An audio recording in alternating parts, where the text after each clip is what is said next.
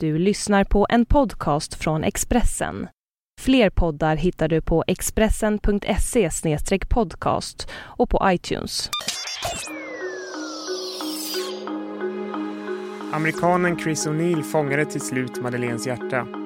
Nu skickar prinsessans ex-killar sina lyckönskningar inför det stundande bröllopet den 8 juni. Vi lyssnar på Expressen Dokument om prinsessan Madeleines ex-pojkvänner av Johanna Kardell, uppläst av mig David Levin. Hösten 2010 träffades Chris O'Neill och prinsessan Madeleine för första gången. Vi träffades genom gemensamma vänner. För mig började det med en nära vänskap. Vi delade samma humor och hade roligt tillsammans, har Madeleine sagt i en intervju med hovet i samband med förlovningen.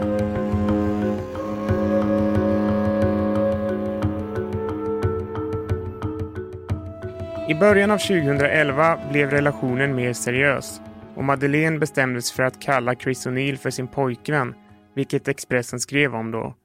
Det var också då som de första bilderna publicerades på dem tillsammans, på restaurangen Boothouse i New York. Lite längre fram, den 25 oktober i fjol, tillkännagav hovet förlovningen med en video. Bara tre år tidigare hade prinsessan Madeleine nyss förlovat sig med blivande juristen Jonas Bergström. Förlovningen bröts dock under våren 2010 och paret gjorde slut.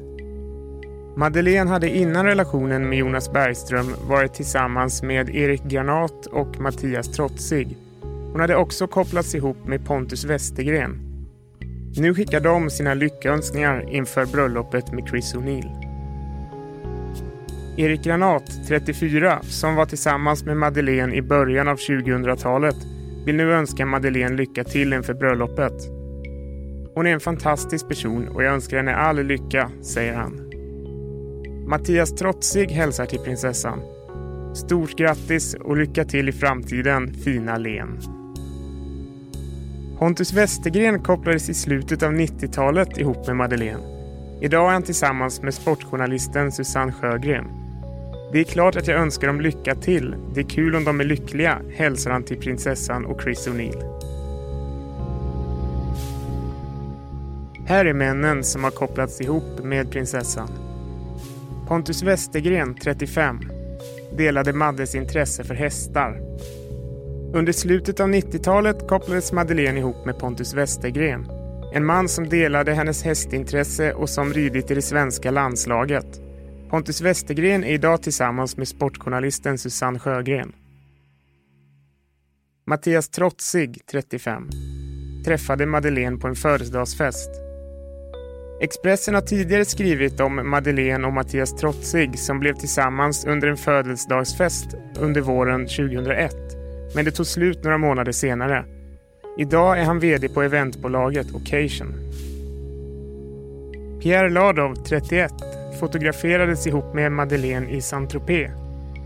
Under sommaren 2001 hade Pierre Ladov en kortare romans med prinsessan Madeleine. Paret fotograferades kyssandes i Saint-Tropez på franska rivieran. Pierre Ladov kommer från Hovås utanför Göteborg. Erik Janat, 34, träffade Madeleine genom prins Carl Philip. Erik Granat från Gotland blev tillsammans med Madeleine under hösten 2001 efter att de träffats genom prinsessans storebror Carl Philip. Erik fick träffa kungaparet, men det unga paret bröt upp ett drygt år senare. Jonas Bergström, 34, bröt förlovningen 2010. Jonas Bergström träffade Madeleine via gemensamma bekanta och hösten 2002 blev de ett par. 2009 förlovade de sig men våren efter bröt de förlovningen. Jonas Bergström har studerat till jurist och arbetar idag på en advokatbyrå.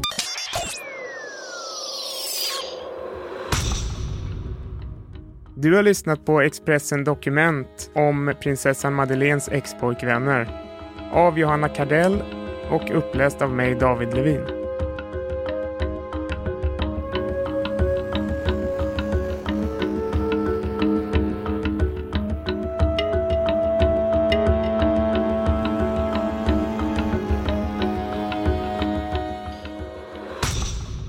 Du har lyssnat på en podcast från Expressen.